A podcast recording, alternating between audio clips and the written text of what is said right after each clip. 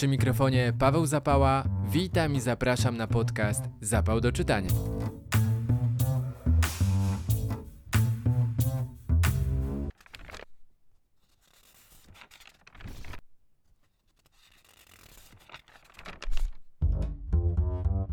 W tym zapale wszystko dobrze się składa.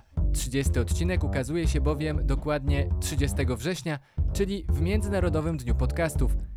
To wyjątkowe wydanie zostanie okraszone rozmową z Maciejem Okraszewskim, twórcą działu zagranicznego, jednego z najchętniej słuchanych podcastów w Polsce. Porozmawialiśmy zarówno o jego działalności, jak i jego zapale do czytania.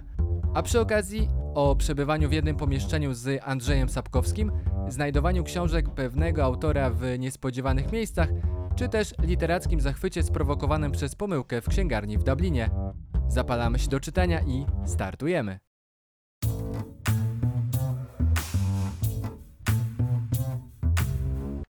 Gościem podcastu Zapał do czytania jest Maciej Okraszewski, dziennikarz, autor strony, a także podcastu Dział Zagraniczny. Witam serdecznie.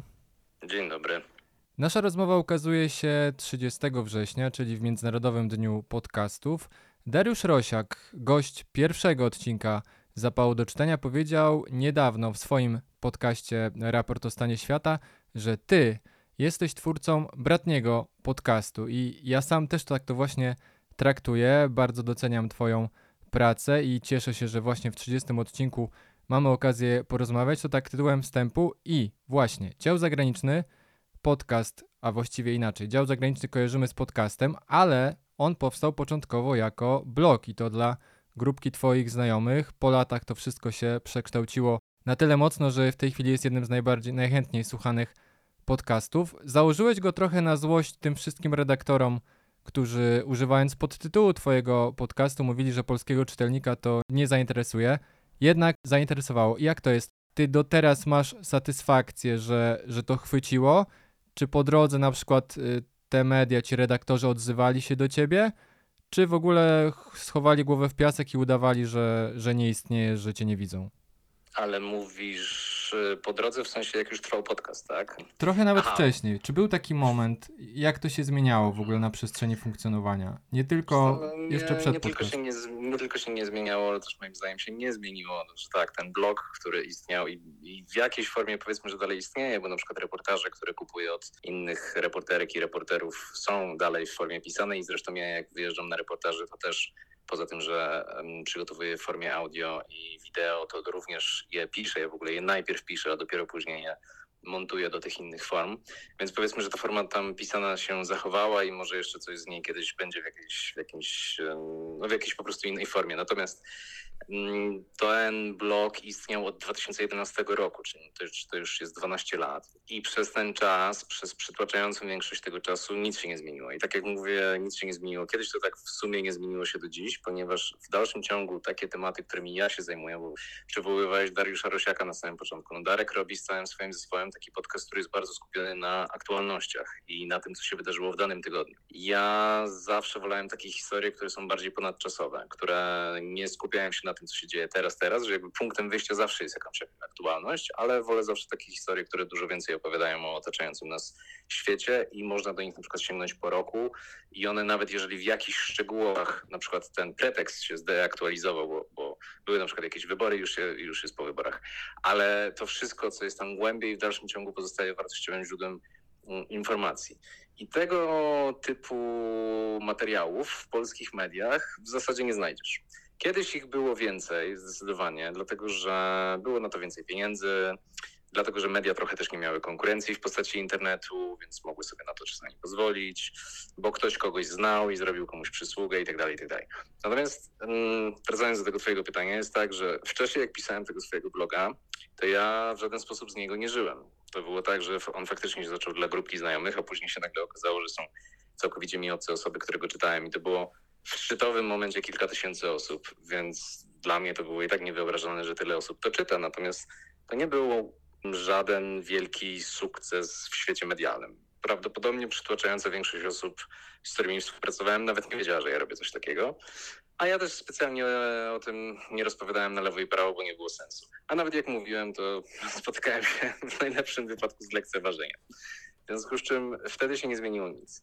Teraz, kiedy faktycznie ten podcast jest jednym z najpopularniejszych, to też myślę, że dla wielu osób kompletnie nic nie znaczy, ponieważ wiele osób nie jest w stanie ocenić też w tych mediach faktycznej siły tego, czym podcast jest. I w ogóle nie do końca może rozumieją też najnowsze media, ci przynajmniej ci starsi, tak? Bo ludzie z mojego pokolenia i młodsi już oczywiście tak. I tam to jest zupełnie inaczej. Natomiast wśród tych głównych decydujących, którzy wtedy przez lata powtarzali mi, że coś tam polskiego czytelnika nie interesuje i tak dalej, no to te osoby nie rozumieją, czym, czym jest podcastowanie. I w ogóle nie rozumieją też YouTube'a, nie rozumieją mediów społecznościowych. W związku z czym ci ludzie dalej nic nie zrozumieli i to zresztą widać w tym, jak te polskie media wyglądają. Natomiast to, co się zmieniło zupełnie, to jest to, że ja odniosłem też sukces finansowy. To znaczy osoby, które wspierają ten podcast, bądź czasami firmy, bo w przypadku, w przypadku reportaży ja tam szukam też sponsorów i tak dalej. Więc te pieniądze, te osoby, które wspierają finansowo podcast i podkreślmy dobrowolnie, bo to wszystko jest całkowicie za darmo. Wszystkie te treści są dostępne za darmo dla wszystkich odbiorców. To od samego początku było moje założenie jeszcze przed w ogóle podcastem, że to jest specjalnie w języku polskim po to, żeby osoby, które nie znają obcych języków w stopniu wystarczającym, żeby sięgać po takie wiadomości na własną rękę, żeby one po prostu mogły we własnym rodzimym języku takie, takie materiały mieć. I to, to się nie zmieniło. Natomiast jest grupa osób wielotysięczna, która ten podcast wspiera. I tak jak wspominałem też czasami firmy w niektórych reportażach. I to sprawia, że ja mogę równocześnie też płacić innym osobom za reportaże. I nagle to zmieniło wszystko, ponieważ ja płacę stawkę dwukrotnie wyższą niż, no, niż duży format. No, jakby mogę wymieniać, bo duży format płaci półtora tysiąca złotych za reportaż, a ja płacę trzy tysiące. W dodatku ja płacę netto. to zmieniło bardzo dużo, ponieważ nagle się okazało, że osoby bardzo uznane i znane na rynku, nie dość, że chętnie dla mnie pisują, na przykład ostatni reportaż, jaki został opublikowany w tym miesiącu, bo jest jeden miesięcznie, napisał Zbyszek Rokita, który Tak, jest przecież zdobywcą wspomnieć. Mhm. Nagrody Nika. W związku z czym to są, to są nie tylko początkujący tutaj reporterzy, ale też uznane nazwiska, ale też to działa w drugą stronę, to znaczy część już dziennikarzy, o czym mi też zresztą wiadomo z, z drugiej strony redakcyjnej, niektórzy odmawiają pisania za, za stawki, które są niższe niż jakieś tam, które oni sobie zażyczają. Też dlatego, że te pieniądze w rzeczywistości są w redakcjach, tylko redakcje nie chcą ich wydawać na zagranicę. I to jest też mój przypadek, bo jak pytałeś, czy ktoś się do mnie później odzywał i tak dalej. Owszem, niektóre z redakcji, z którymi ja współpracowałem, e, prosiły mnie o napisanie dla siebie jakiegoś tekstu i ja nie chcąc już, już w ogóle nie chcę współpracować z polskimi mediami w takiej formie, ale zawsze trochę zaporowo rzucałem, że moja stawka jest i dawałem na przykład dwukrotnie wyższą niż do tej pory, albo trzykrotnie wyższą. I nagle się okazywało, że te pieniądze są. Mhm.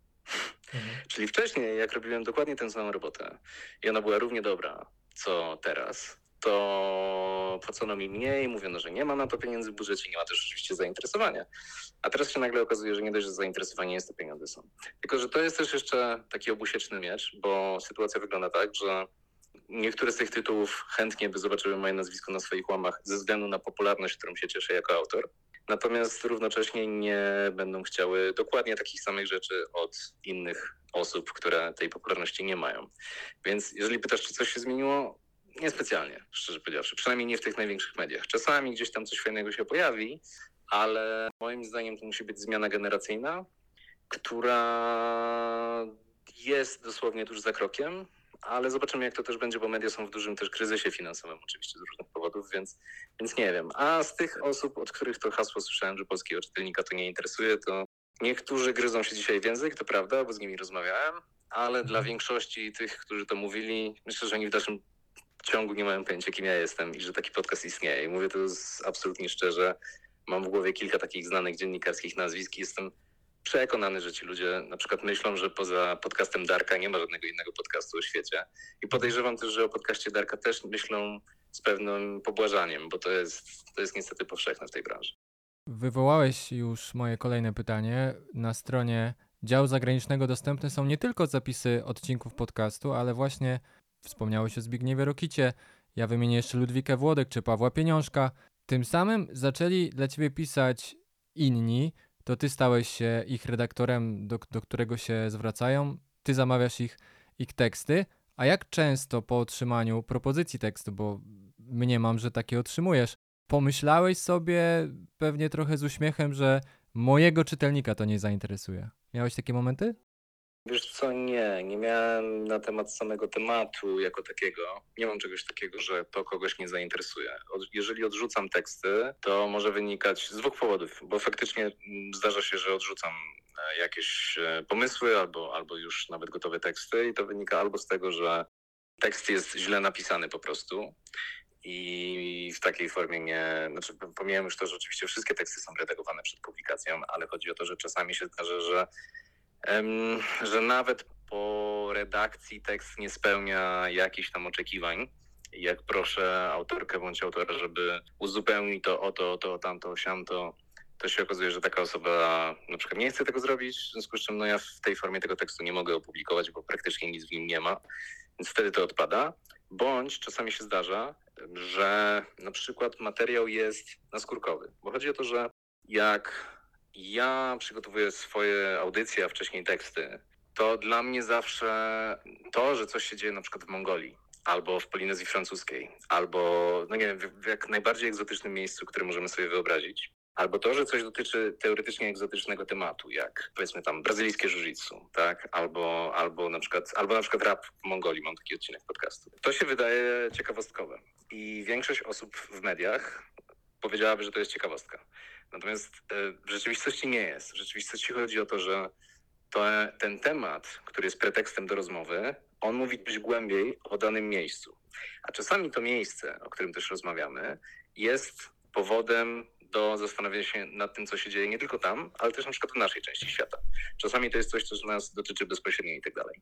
No i zmierzam w tym wszystkim do tego, że czasami dostaję takie propozycje, które są bardzo wykręcone, bardzo takie niszowe, co w ogóle nie stanowi problemu. Tak? To jest dla mnie jak najbardziej okej. Natomiast one nie niosą ze sobą większego przekazu. Czyli na przykład jest gdzieś w kraju X y, festiwal, który, który jest powiedzmy festiwalem techno, a ten kraj się w ogóle nie kojarzy z wolnościami obywatelskimi, a już na pewno nie z dobrą zabawą. I jeżeli reportaż jest po prostu o tym, że jest sobie ten festiwal i jak on wygląda, to to nie jest interesujące. Bo jest wiele miejsc na świecie takich, które zupełnie nam się z tym w żaden sposób nie kojarzą. Natomiast y, takie festiwale się tam odbywają. Więc jeżeli ten tekst miałby powstać dla mnie, to on oczywiście niech opowiada o tym festiwalu, ale niech przez ten festiwal opowiada coś szerzej. Znaczy, co ten festiwal oznacza dla tego kraju? Czy w tym kraju się coś zmienia? Albo wręcz przeciwnie, czy to jest taki łabędzi śpiew w ogóle zabranych wolności obywatelskich? Jak ludzie na ten festiwal reagują? Kim są ci ludzie, którzy go organizują? Czy oni są jakoś reprezentatywni dla szerszych grup społecznych? Kto tam przyjeżdża? Jak to wygląda? I tak dalej, i tak dalej. Może się też zdarzyć, że jest przeciwnie, to znaczy chociażby jest taki znany case, trzymając się muzyki, że w Botswanie jest zespół death metalowy. I to bardzo śmiesznie wygląda, że, że ci chłopcy w tej Botswanie, w tych skórach grają na gitarach i tak dalej. To jest super rzecz, ale to właśnie jest ciekawostka. Bo to, że kilku chłopaków się zebrało i gra tam metal, nic nie mówi o Botswanie jako takiej. Po prostu grupa osób się zebrała i to robi. Bardzo fajnie. Natomiast czy jest coś za tym szerzej? No niekoniecznie. Tak samo jak co jakiś czas pojawiają się te forte reportaże z pankowcami z Tajlandii. I oni bardzo kolorowo wyglądają. Tylko co to mówi o Tajlandii? No nic, niestety. Jest po prostu grupa osób, która pankuje, super, tak jak na całym świecie. Również w miejscach, które się z pankrokiem i z irokezami, skórami nabijanymi ćwiekami i tak dalej nie kojarzą. I, I Tajlandia też się nie kojarzy i to się w Tajlandii dzieje i to tyle. I masz bardzo ograniczoną grupę osób, więc na przykład takie teksty też odpadają. To musi być coś więcej mówiącego. Po wizycie na stronie, na stronie działu zagranicznego już wiem, że muzycznie lubisz stary hip-hop, filmowo włoskie kino, a jeśli chodzi o książki, po jaki gatunek sięgasz najczęściej, ale tu daję takie zastrzeżenie, że nie są to lektury na potrzeby kolejnego odcinka czy, czy tekstu. Czy masz taki jeden gatunek, y, czy, czy niekoniecznie? Mam, jestem bardzo, jestem bardzo prostym człowiekiem, wbrew temu, co niektórzy o mnie sądzą. Ja lubię proste rozrywki i ja lubię kryminały, po prostu. Natomiast nawet nie to, że kryminały jako takie, tam nie musi być detektyw, policjant. Ja lubię po prostu tajemnice. I też jak mówię tajemnice, to nie znaczy, że, że musi tam być jakaś super tajemnicza sprawa na początku książki i się cała rozwiązywać. Ja po prostu bardzo często lubię takie historie, które na pozór wydają się czymś, a, a w trakcie okazuje się, że rzeczywistość jest jednak trochę inna. Zresztą często w, w mojej pracy też, też, też to tak wygląda, jak robię jakieś tam odcinki solowe i tak dalej, to też z grubsza często sięgam po taką metodę, bo to moim zdaniem jest bardzo ciekawe, że, że coś się na pozór wydaje takie, a w rzeczywistości jest inne. Po prostu te kryminały mają taką naturę, że tak się tam dzieje.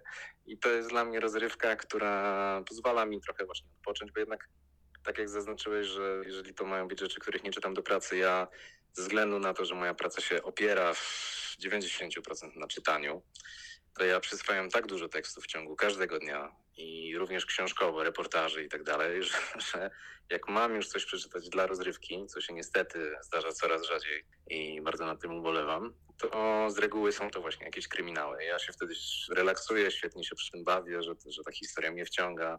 No, więc zdecydowanie takie historie. A w takim razie są autorzy albo książki, do których masz czas, czy masz w ogóle czas wrócić do jakichś konkretnych autorów albo książek, albo masz takie, miałeś takie literackie pomniki, do, które musiałeś ostatnio obalić albo przynajmniej odwrócić się do nich plecami?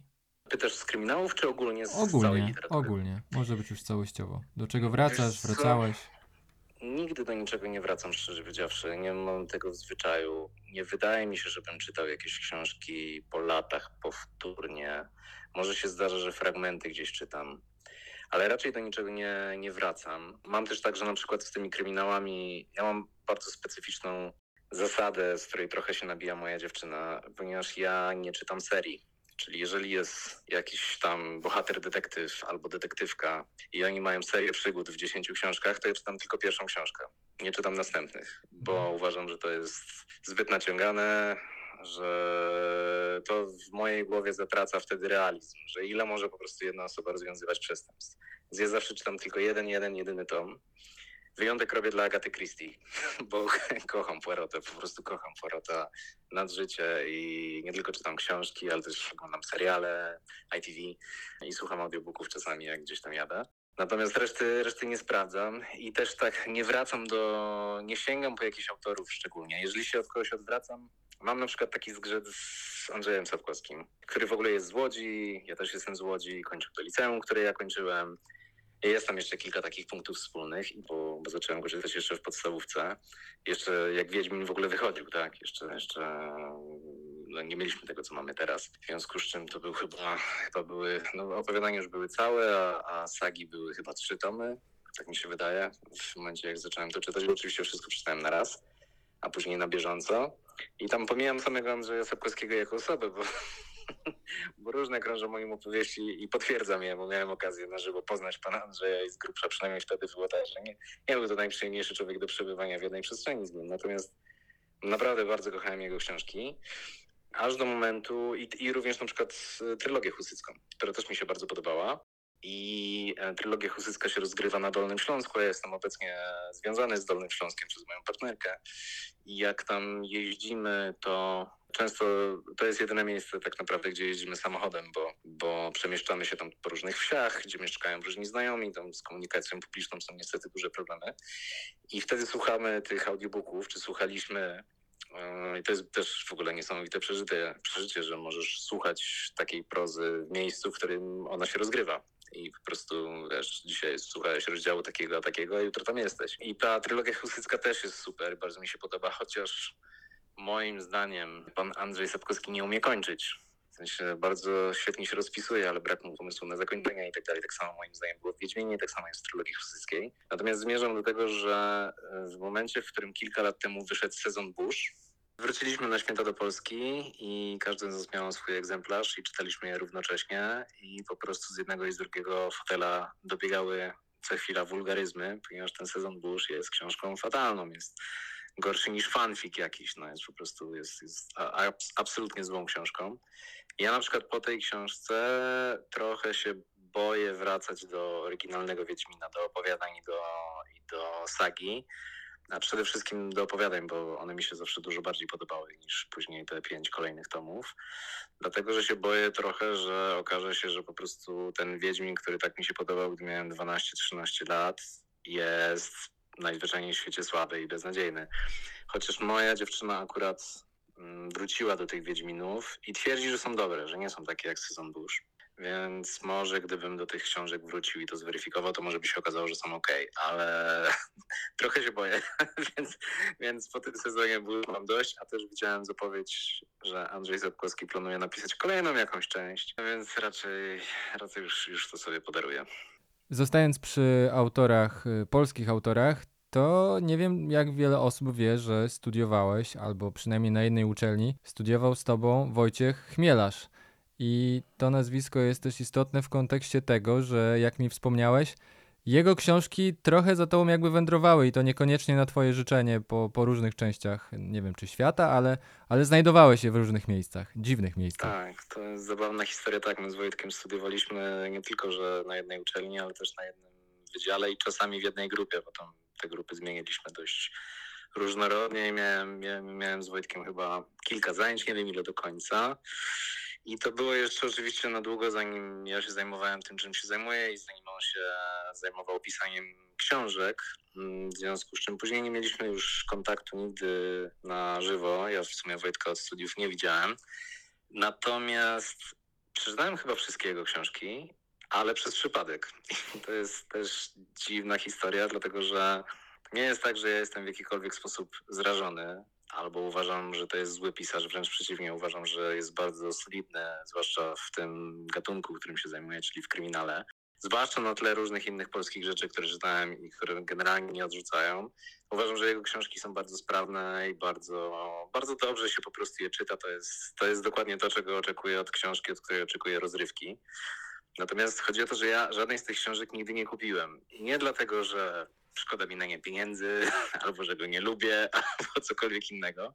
Tylko mm, w czasie, jak on zaczął wydawać te swoje pierwsze książki, to już mieszkałem za granicą i inne rzeczy mnie wtedy zajmowały. A później pierwszą książkę gdzieś znalazłem, przypadkiem. Już nawet nie pamiętam gdzie. Gdzieś byłem i ta książka tam leżała po prostu i zacząłem ją przeglądać, no bo znam tego gościa, więc zobaczę, co napisał i mi się spodobało. I później było tak, że przez następne kilka lat zawsze sobie mówiłem, że a, może bym coś kupił Wojtka, po czym gdzieś jechałem, na przykład do pracy, albo na wakacje, albo wiem, nawet gdzieś do jakichś znajomych i tam jakaś kolejna jego książka, której akurat nie czytałem, była.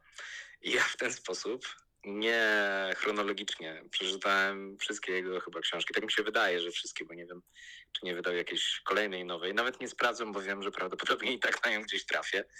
Mm, Także tak, także mogę powiedzieć, że jestem chyba bardzo na bieżąco z jego twórczością w jeden z najdziwniejszych sposobów, jaki można sobie wyobrazić. Znaczy, pewnie można sobie wyobrazić dużo dziwniejsze i, i pewnie jako autor kryminałów on by sobie takie mógł wyobrazić. No ale tak czy siak jest to dość dziwne. Nie wiem, może podrzuca mi te książki, nie mam pojęcia. To teraz już wychodząc poza Polskę, poza też jeden gatunek literacki, jaki jest twój największy, nie musi być to zamknięte w okresie nawet tego roku, ale jaki jest twój ostatni taki największy literacki zachwyt? No, ostatni to jest na pewno First Day Murder Club Richarda Osmana. I to też jest kryminał. I to jest kryminał, przy którym może złamię swoją zasadę nieczytania więcej niż pierwszej części. Dlatego, że byłem bardzo w szoku, jak to jest dobre. To jest. I w ogóle też przypadkowo trafiłem na tą książkę, bo szukałem innej, szukałem książki Antoniego Horowica. Antoni Horowic jest producentem A ktoś ci, poleci, ktoś ci polecił tę książkę? Jak to, jak to było? Nie, nie, to było tak, że oglądałem, ponieważ oglądam sporo BBC i BBC mm, transmitowało taki czteroodcinkowy, czteroodcinkowy serial kryminalny, który się nazywa Magpie Murders. Ja nie znam tytułów po polsku, podejrzewam, że te książki mogły po polsku nawet wyjść, ale generalnie jeżeli książka wychodzi w języku, który znam, to, to zawsze staram się książkę czytać w oryginale, bo to po prostu jest chyba najzwyczajniej w świecie lepsze, bo nawet mając doskonałych tłumaczy, a w Polsce takich mamy, to czasami niektóre rzeczy jest dość trudno oddać i, i staram się czytać w oryginałach, więc, więc nie wiem, czy te książki w ogóle są po polsku, jakie mają tytuły. Ale Magpie Murders to była książka, którą Antony Horowitz napisał, natomiast na jej podstawie powstał e, serial. I ja najpierw zobaczyłem ten serial. On jest czteroodcinkowy i on paradoksalnie też jest o książce i o kryminale, bo tam fabuła jest z grubsza taka, że jest autor kryminałów, który pisze ostatnią, czy jest, jest bardzo ma duże sukcesy jest bardzo poczytny i tak dalej. I ma tam głównego bohatera, akcja się rozgrywa mniej więcej w latach 40. I on pisze ostatnią książkę z tym, z tym głównym bohaterem. To ma być pożegnanie z tą serią. Daje ją swojemu wydawcy, a następnie sam ginie. Nie będę, jeżeli ktoś chce, chce to przeczytać albo obejrzeć, to nie będę spoilował, jak to się dzieje, ale generalnie rzecz biorąc, traci życie. No i rzecz cała w tym, że ta książka, którą oddał swojemu wydawcy, jest niekompletna. Brakuje w niej zakończenia. W związku z czym jego redaktorka, która jest tak naprawdę główną bohaterką tej, tej całej książki, ona jedzie do jego rodzinnej miejscowości, która jest chyba w Kent, o ile dobrze pamiętam, i próbuje odnaleźć tą brakującą część książki. I ta narracja jest taka dwuwarstwowa. Z jednej strony jest narracja w tej fikcyjnej książce, fik- fikcja w fikcji, e, w związku z czym tam ten, ten, ten bohater stworzony przez tego nieżyjącego już autora próbuje rozwiązać zagadkę kryminalną i to wszystko się rozgrywa w tym samym miejscu, a postacie są wzorowane na prawdziwych ludziach, a równocześnie ta redaktorka próbuje odszukać tą końcówkę książki i spotyka się z tymi ludźmi, na których jest wzorowana wzorowane są te postacie w tej powieści i też spotyka się z nimi w tych samych miejscach, więc to się przecina. No i to jest serial, który nakręciło akurat NBC amerykańskie, ile dobrze pamiętam, ale BBC to retransmitowało i to jest genialny serial, doskonale nakręcony, z absolutnie wspaniałymi brytyjskimi i nie tylko brytyjskimi, bo też irlandzkimi aktorami. W związku z czym, jak to Magpie Murder zrobiło na mnie takie wielkie wrażenie, to postanowiłem znaleźć coś jeszcze. No i mm, tak zdobyłem Word is Murder Antoniego Horowitza i chodzi o to, że on jest, to jest ważne w tej opowieści, że on jest producentem telewizyjnym i scenarzystą telewizyjnym. I to Word is Murder jest beznadziejne, jest, jest naprawdę ciężką beznadziejną. Znaczy nie jest może aż tak beznadziejne, ale jest po prostu słabe. On, on robi z siebie tam też głównego bohatera. Wymyśla fikcyjnego detektywa, a równocześnie też wpisuje do tej książki siebie jako równoprawnego bohatera. No i w tym Magpie Murders to fajnie grało, ale tutaj niestety jest bardzo złe, albo może po prostu w ekranizacji to fajnie grało w książce, której w końcu nie przeczytałem, nie wiem. Byłem bardzo niepocieszony, natomiast chodzi o to, że zanim zdobyłem tą książkę, to jak chciałem ją kupić, to nie pamiętałem, jak Antoni Horowitz się nazywa. Więc zapytałem w mm, księgarni w, w, w Dublinie, czy mają książkę takiego właśnie producenta telewizyjnego od kryminałów um, brytyjskich i on napisał bardzo popularną tam książkę, powieść detektywistyczną i tak dalej. No i w ten sposób w moje ręce trafiło First Day Murder Club Richarda Osmana, a nie Antonego Horowitza, ponieważ Richard Osman również jest scenarzystą telewizyjnym i jakimś tam chyba producentem. I to jest jego debiut sprzed bodajże trzech lat. I ta książka jest doskonała, więc jak byłem rozczarowany tym What is Murder, a miałem już to Further Murder Club przez przypadek, to pomyślałem sobie, dobra, to w takim razie przeczytam tę. I to jest, nie wiedziałem, że istnieje coś takiego, ale się dowiedziałem właśnie po lekturze tej książki, że istnieje taki gatunek, który się nazywa cozy crime. I to faktycznie jest takie cozy crime bardzo dosłownie, bo tutaj bohaterami głównymi jest grupa mm, emerytów mieszkających w takim bardzo specyficznym ośrodku mm, dla starszych osób i oni faktycznie biorą się za rozwiązywanie spraw kryminalnych. Tam nie dość, że ta książka jest doskonale napisana, nie dość, że naprawdę ta, ta akcja jest mm, zaskakująca, bo mnie jest trudno zaskoczyć. Ja tak dużo czytam różnych rzeczy, że z reguły jak coś oglądam albo czytam, to albo na bardzo wczesnym etapie już wiem, albo gdzieś już w takim momencie, że już trudno coś tam przede mną ukryć. Rzadko się zdarza, żebym był zaskoczony. Tymczasem tutaj mm, było tak, że jak czytałem tę książkę, zresztą w Irlandii, na plaży, to, to aż wydawałem jakieś dziwne dźwięki. Może to potwierdzić moja dziewczyna, ponieważ nie dość, że jak dochodziłem do końca i tam te ostatnie 20 stron czytałem, to nie dość, że faktycznie mnie zaskoczył i byłem taki, okej, nie spodziewałem się tego. Trochę się spodziewałem może, ale jednak nie w takiej formie. Jest to bardzo, bardzo ciekawe, bardzo ciekawe, naprawdę. No, no fajnie, fajnie. I, I już myślałem, że to jest to, po czym tam jest jeszcze jeden twist. I ten ostatni też był taki, o wow, to tego się już zupełnie nie spodziewałem. Więc ta książka zrobiła na mnie naprawdę świetne wrażenie. I też to, że jest tam wątek polski jest dla mnie istotny, ponieważ jesteśmy tak dużą mniejszością w Wielkiej Brytanii, a nie występujemy w ogóle w popkulturze brytyjskiej prawie w ogóle. I rzadko się zdarza, żeby postacie polskie były w jakikolwiek sposób więcej niż naskórkowe. A tu taka postać drugoplanowa, ale dość istotna, to jest Bogdan z Podkrakowa, z Małopolski. I trochę mnie to boli, bo z jednej strony Bogdan jest ważną postacią w tej książce i cieszę się, że Antoni Horowitz go tam, przepraszam, Richard Osman go tam umieścił i to jest, i to jest super i to szanuję niezwykle, natomiast równocześnie są tam takie detale, ponieważ próbował tej postaci nadać trochę życia i jest tam sporo detali na jej, na jej temat i te detale od razu każdemu Polakowi dają do zrozumienia, że Richard Osman nie ma pojęcia o Polsce. I to jest akurat trochę bolesne. I tam jest jeszcze kilka takich drobnych wpadek, znaczy drobnych, drobnych większych. Tam jedna bohaterka wspomina, jak podczas zimnej wojny musiała czekać w jednym miejscu na granicy polsko-zachodnio-niemieckiej. Tak, Czytam o tej granicy polsko-zachodnio-niemieckiej, sobie myślę, Richard, ech, no nie wiem, nie wiem, mogłeś się jednak troszeczkę postarać. Ale no pomijając takie niedociągnięcia, to to jest doskonała książka i w ostatnim czasie ona akurat na mnie wywarła największe wrażenie. To na koniec y, moje ulubione pytanie. Czy jesteś typem zbieracza książek, czy panujesz nad tym jeszcze, czy jakąś samokontrolę stosujesz, czy już y, przestałeś? Po prostu zbierasz wszystko, co, co dostajesz, co, co wpada w twoje ręce. Nie, kontroluję się jako tako w tym sensie, że przez lata miałem tych książek zdecydowanie za dużo. I też tak jak zresztą moja partnerka, a ponieważ mieszkamy w Warszawie, z której żadne z nas nie jest i kilkukrotnie się tu przeprowadzaliśmy, to te przeprowadzki z książkami to była zawsze straszliwa gorączka i też przeprowadzki różnych znajomych naszych, których zawsze też uczestniczę jako ktoś, kto może nosić ciężkie rzeczy. Te książki są najgorsze. I któregoś razu, jak się przeprowadzaliśmy 4 lata temu do mieszkania, gdzie teraz mieszkamy, to postanowiliśmy z tym skończyć i wyselekcjonowaliśmy część książek, która była z jakiegoś powodu dla nas ważna. I to sobie zatrzymaliśmy. I tak moim zdaniem za dużo ich było. Natomiast resztę wyprzedaliśmy wśród znajomych tak symbolicznie. Zrobiliśmy po prostu imprezę i książki kosztowały tam od złotówki do pięciu. I przyszło mnóstwo osób i faktycznie wszystkie te książki się rozeszły, w tym jedna tutaj osoba z Warszawy, w niektórych kręgach znana. Nasz kolega ze sportów wielki kupił od razu hurtem chyba z 50.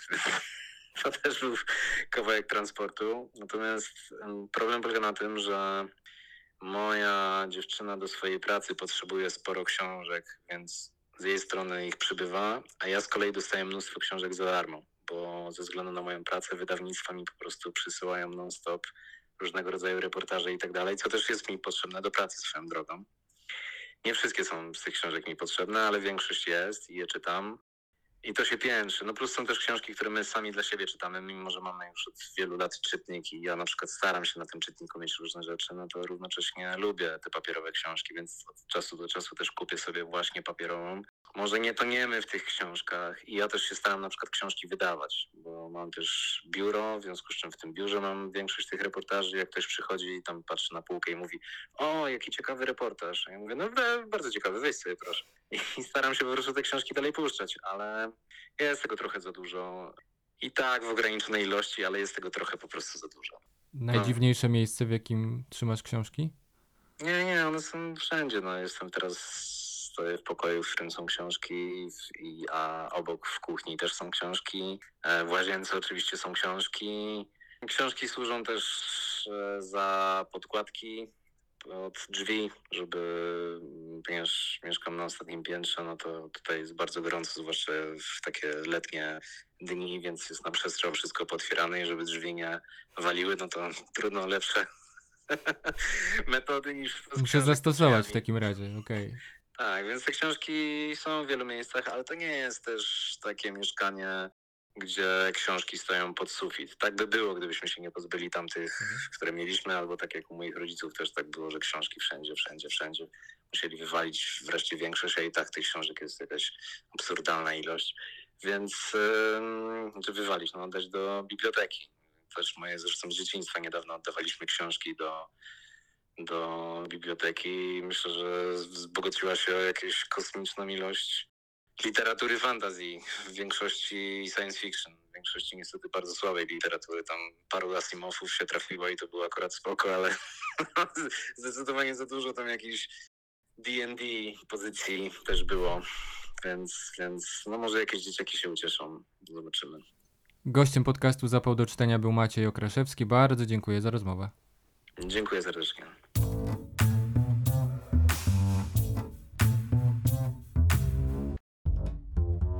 Za mną i za wami 30 odcinków, w których znalazło się łącznie 41 rozmów, 24 przeglądy tekstów okołoliterackich oraz 18 kawałków poczytnej muzyki. Te liczby pokazują, że mój zapał do czytania nie jest słomiany.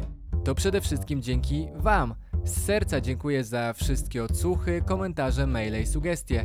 A co dalej? Chciałbym, żeby podcast rozwinął się jeszcze bardziej. Ukazywał się regularnie, pojawiał się na festiwalach, wpadał do księgarni i bibliotek w całej Polsce, a kto wie, może i na świecie. Po prostu zyskiwał na atrakcyjności. To wszystko jednak kosztuje, nie tylko czas. Jeśli uważacie, że rozbudzanie i utrzymywanie zapału do czytania to ważna sprawa, możecie pomóc. W tym celu zachęcam do zostania patronem mojego podcastu na stronie patronite.pl. Już teraz płomiennie dziękuję za każdą wpłatę. Tymczasem do usłyszenia w kolejnym odcinku.